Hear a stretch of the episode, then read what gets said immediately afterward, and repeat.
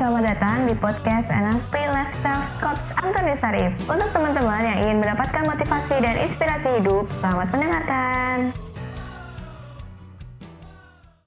Teman-teman, kembali lagi di YouTube channel Panduan Hidup dengan NLP dengan saya Karin dan kali ini kita akan membahas sedikit soal Law of Attraction. Nah, kita kan sudah beberapa kali kita shootnya tidak di lokasi ini, jadi pindah-pindah. Nah, kali ini kita sudah di sini lagi ya, Coach. Iya, kita balik lagi akhirnya. iya. Karena sebelumnya ada renovasi. Iya, betul. Besar-besaran jadi kedengeran. Sebelumnya kita sapa Coach Arif dulu ya. Halo, Coach. Tadi udah disapa. Dan tadi kayaknya udah disapa deh. Halo, halo, halo. Apa kabar? Iya.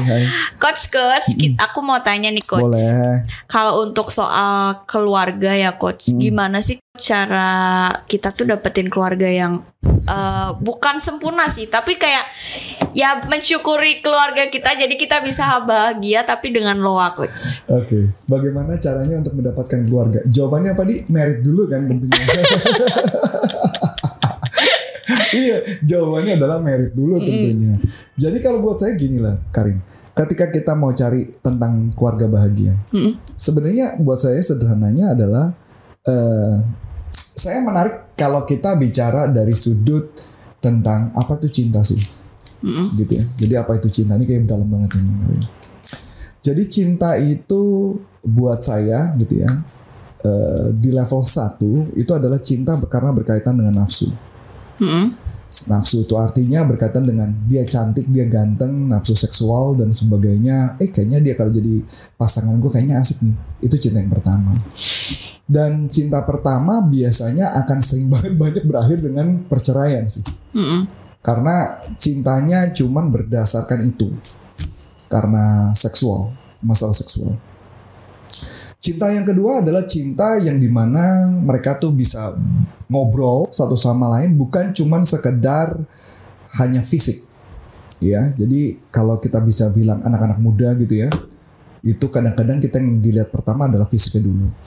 Padahal ngobrol belum tentu bisa, nggak bisa ngobrol. Jadi kayak eh, mohon maaf istilahnya kissing-kissing atau more than that abis itu udah selesai gitu. Jadi nggak ada nggak ada percakapan ketika diajak ngobrol berantem mulu dan sebagainya. Makanya nggak ada relationship yang sangat bagus.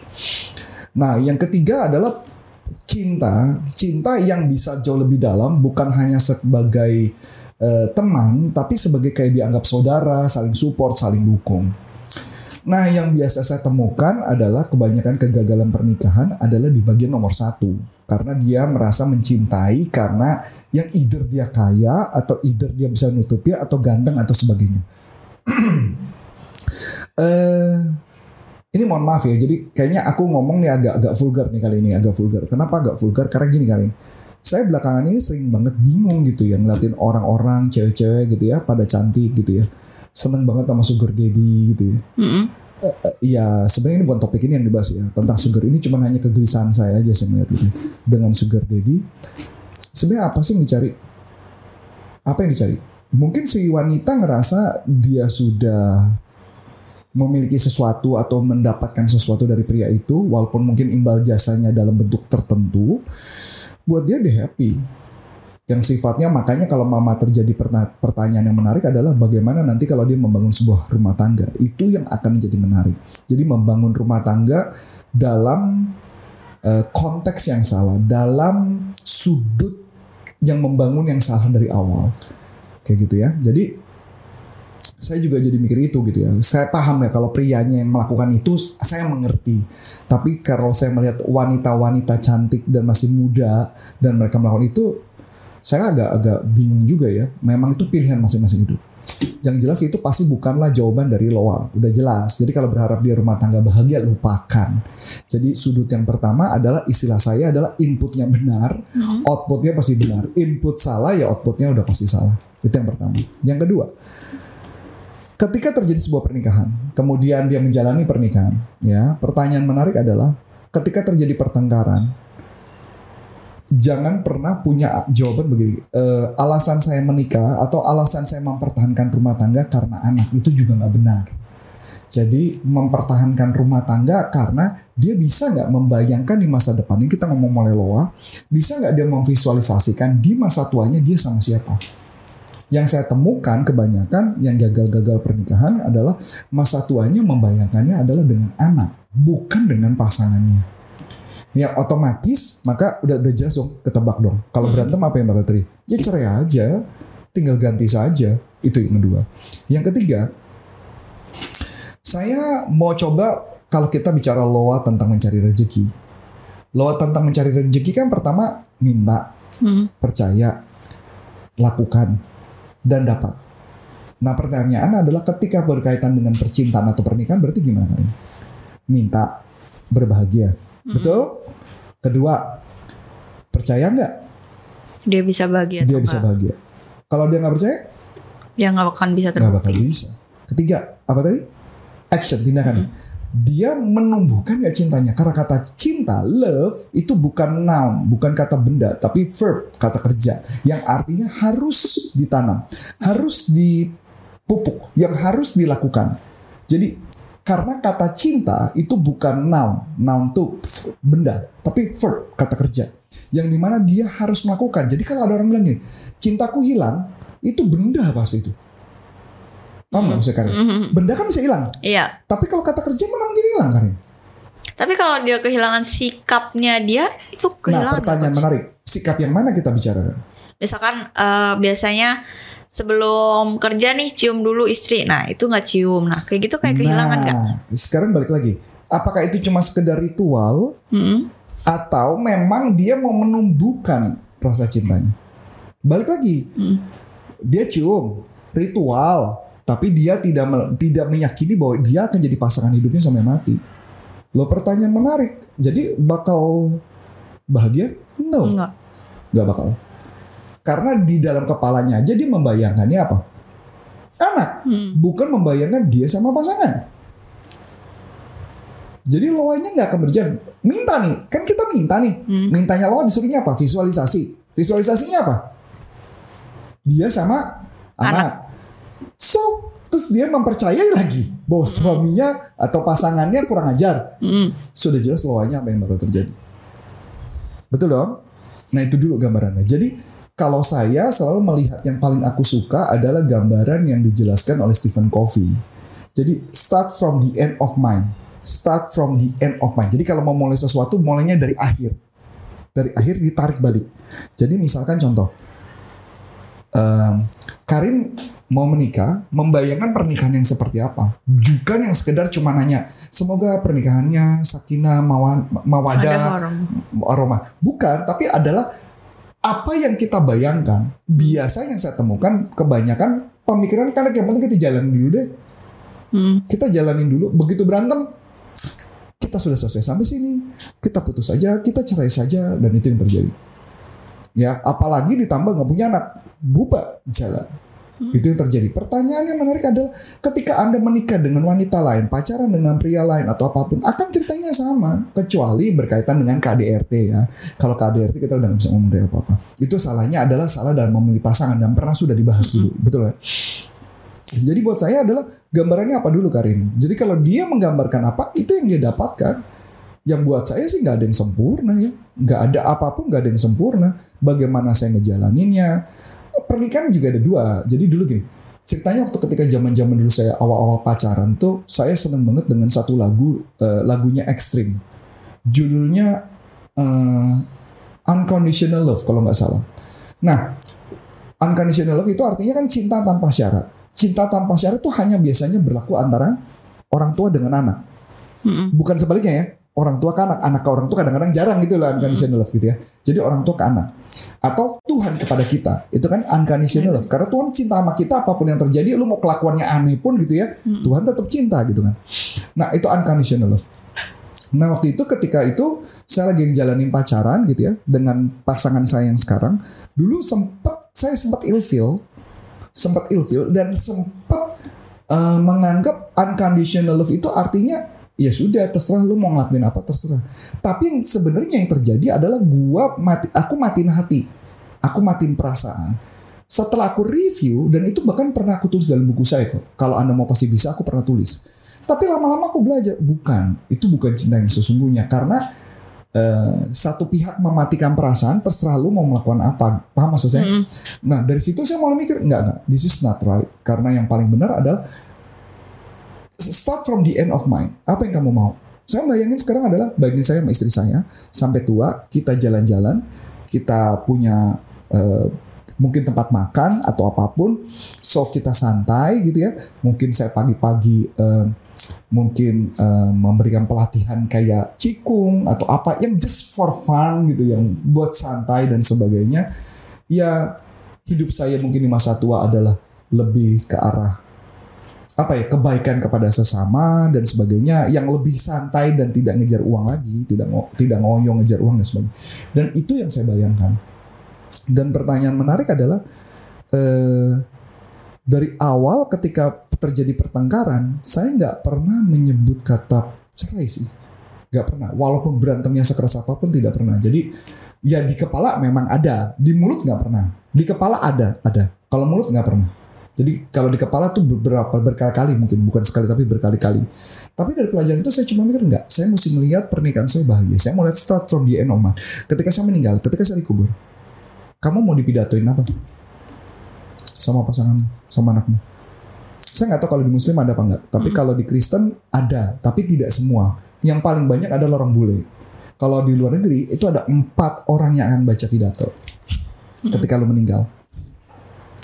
Yang pertama adalah pasangan, yang kedua adalah anakmu, yang ketiga adalah teman kerjamu, yang ke oh salah salah salah. Yang pertama pasangan atau anak, yang kedua adalah teman kerja, yang ketiga adalah sahabatmu, yang keempat adalah orang di sekitarmu yang kamu nggak kenal.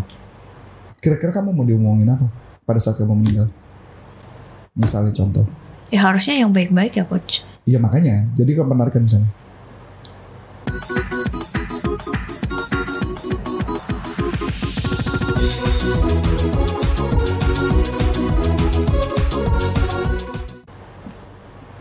Papa saya, misalkan ngomong, papa saya adalah seorang yang begini, begini, begini, begini. Nah, ketika dia menyatakan apa misalnya, papa saya adalah orang yang disiplin, papa saya adalah orang yang menjaga keluarga, papa saya yang mengajarkan saya agama, mendekatkan diri saya sama Tuhan. Nah, pertanyaan kalau saya mau dengar itu, berarti saya harus melakukan pendidikan apa kepada keluarga saya? Sesuai dengan yang saya inginkan. Tapi kalau mama saya bilang, kalau misalnya saya nggak bisa ngeliat itu, makanya apa yang terjadi? Nanti di, di jangan-jangan ketika saya meninggal, orang, anak saya ngomong gini, bagus bapak gue udah meninggal, katanya, nyusahin gua, ribut mulu. Itu yang akan terjadi. Jadi start from the end of mind. Jadi apa yang kamu mau? Kamu mau diomongin apa? Saya kalau dibo- diomongin oleh karyawan, saya cuma bayangin cuma satu sih. Makasih Pak Arif karena membuat saya bisa jadi sukses di bidang pekerjaan saya apa pun karena Bapak yang demi itu di pikiran saya. Makanya kenapa karena ketika saya melakukan sesuatu, makanya saya keras, saya suka ngasih tahu beberapa hal karena itu. Bagaimana dengan orang di sekitar saya? Orang di sekitar saya, saya cuma membayangkan adalah mereka cuma ngomong, thank you coach, udah bantu saya. Coach menginspirasi saya, membimbing saya itulah makanya kenapa YouTube, TikTok dan semuanya nggak habis-habis saya berikan gitu loh. Kayak tadi saya meeting dengan satu orang customer dia bilang tau nggak coach, saya nge coach punya lo banyak lo TikTok ya coach di save sama saya, sama, sama dia. Ya it, this is interesting for me kayak karena ada orang yang terinspirasi kan. Nah bagaimana dengan orang banyak? Orang banyak mungkin cuma mendengar kata-kata saya misalkan gini, makasih ya eh, dengan Bapak Arif itu karena Mbak Arif itu telah membangunkan apa, telah membantu keluarga apa atau memberikan yayasan apa, itu yang kepikiran di kepala saya. Jadi di kepala saya adalah start from the end of mind. Saya mau bayangin saya bahagia atau enggak di akhirnya. Jadi loanya adalah kita mau mulainya dari mana. Dalam ya. Menarik. Menarik ya. Jadi Karin mulai mikir nih, nanti kalau saya mati, meninggal saya ngomong ngomongnya apa gitu ya. Enggak tadi aku relate sama pajak. Oh ya, pajak kan juga ada kalau udah selesai Hmm. dicek dulu dari apa dicek dari bukti-buktinya. Oke. Jadi kayak di kehidupan tuh benar-benar ada gitu loh. Ya memang start from the end of mind dan which is itu keren banget sih. Jadi kebanyakan loa kenapa nggak berhasil karena kita nggak mulai dari sono. Kita mulai dari sini ke sono. Bukan dari akhir ke sini. sini. Kalau misalkan tadi kan eh coach kan pernah berpikir kalau cerai gitu, tapi tidak pernah mengungkapkan. Tidak pernah. Nah, eh, ada case kalau misalkan dia tuh mengucapkan cerai terus, nanti suatu hari akan kejadian. Itu percaya nggak sih coach? Pasti. Ya kan udah doa, kan loa. Apa pun yang Anda katakan akan terjadi. Makanya pertanyaan benar. Gimana supaya nggak terjadi? Stop, satu. Kedua mohon pengampunan sama Tuhan. Nggak ada lagi. Hmm, kalau misalkan itu cuma buat nakut-nakutin dong. Asa. Dramanya. Kira tikus sama kucing apa? Enggak, nggak bisa. Dram eh uh, for information mungkin Karin tahu ya. Saya nggak tahu. Kayaknya bukan zamannya Karin nih. Jadi dulu tuh banyak banget lagu-lagu yang melo-melo gitu. Zaman-zaman saya tuh banyak lagu melo gitu ya. Misalkan contoh kayak gelas, gelas kaca, lagunya kayak apa aku lupa gitu. Uh, jadi uh, atau pulangkan saya, masih ingat aku. Pulangkan saja aku ke rumah orang tua. Uh, lupa lagi. Pokoknya pulangkan saja ke rumah orang tuaku. Ininya gitu. Dan tapi yang terjadi itu dalam kehidupan nyata beneran Oh, bener. happen happen semua yang main film semua yang main film dengan dengan dialog-dialog tertentu atau topik-topik tertentu itu happen terjadi dalam hidupnya Hmm. terjadi misalkan terjadi problem apa terjadi stres apa beneran itu masuk ke pikiran bawah sadar mau pura-pura cuma nakut-nakutin Iya. Selamat bahagialah hidup Anda jadi single selamanya ya enggak. Itu kan pilihan masing-masing. Oh iya, oke, menarik. Jadi kita harus memikirkan apa yang kita omongkan dan kita Lebih pikirkan. baik mendingan tidak melakukan apa-apa daripada kita, Kita akan menjadi lagi. menyesali. Iya. Kita akan menyesali. Percuma. Mendingan jalanin aja. eh, nakut-nakutin. Nakut-nakutin tuh tujuannya untuk apa? Untuk bahagia? Kagak kan? Untuk apa ya? Tujuannya untuk apa? Ya udah deh, kita putus aja, kita putus aja. Terus gunanya nakut-nakutin apa? Ya biar dimohon-mohon, nggak mau, Biar nggak mau gitu. biar menurut iya terus setelah setelah merit ribut? Nggak mendingan ketika pernikahan atau pacaran atau apa pun kondisinya memang kalau misalkan nggak bisa kalau misalkan kita ngomong bahwa kayaknya aku nggak bisa lagi deh kalau perilakumu kayak gitu Hmm. Itu jauh lebih baik jauh lebih baik kalau perilakumu nggak nggak ubah saya minta kamu mau ngubah misalnya perilakunya buruk ya Hmm. tapi kalau perilaku-perilaku tertentu apakah orang bisa berubah? Biasanya tuh cuma promosi di masa pacaran sih biasanya nggak bisa berubah. Oh iya gue janji, swear demi Tuhan. Nanti kalau gue udah menikah, gue ubah, lupakan lah itu. Nggak bakalan. Itu hanya bisa terjadi kepada orang yang belajar NLP. kalau lupakan. Emang kira mudah? Nggak mudah itu. Itu nggak mau. Udah belajar NLP pun juga belum tentu orang yang mau melakukan. Mm-mm. Betul dong? Iya. gue punya NLP tapi kan nggak bisa gue harus memberi pelajaran kepada dia jalan nggak jalan ilmunya nah sekarang? Iya, oke. Coach, kalau tadi kan udah bahas NLP nih, Coach. Kalau mau ikut pelatihan Coach Arif gimana sih, Coach? mau ikut pelatihan saya masuk di NLP Leadership Indonesia. Di sana ada pelatihan tentang NLP dan juga untuk pelatihan lainnya bisa masuk ke pelatihan motivasi.id di sana sudah ada pelatihan saya online yang bisa diikuti kapan saja dan di mana saja. Dan buat teman-teman yang silakan anda masuk nanti anda bisa dapat harga promo. Oh ya jangan lupa ikuti follow TikTok saya. TikTok saya at Antonius Arif di sana semua saya membahas setiap hari tentang selling Ya, menarik ya Coach. Untuk topik kali ini menurut aku sudah. Jangan lupa like, komen, dan subscribe. Untuk teman-teman yang mau komen apa yang mau kita bahas untuk minggu depan bisa di kolom komen. Dengan saya Karin. dan saya Coach Antonius Arif sampai jumpa bye bye Nah, untuk teman-teman yang sudah menerangkan, terima kasih ya dan nantikan podcast selanjutnya.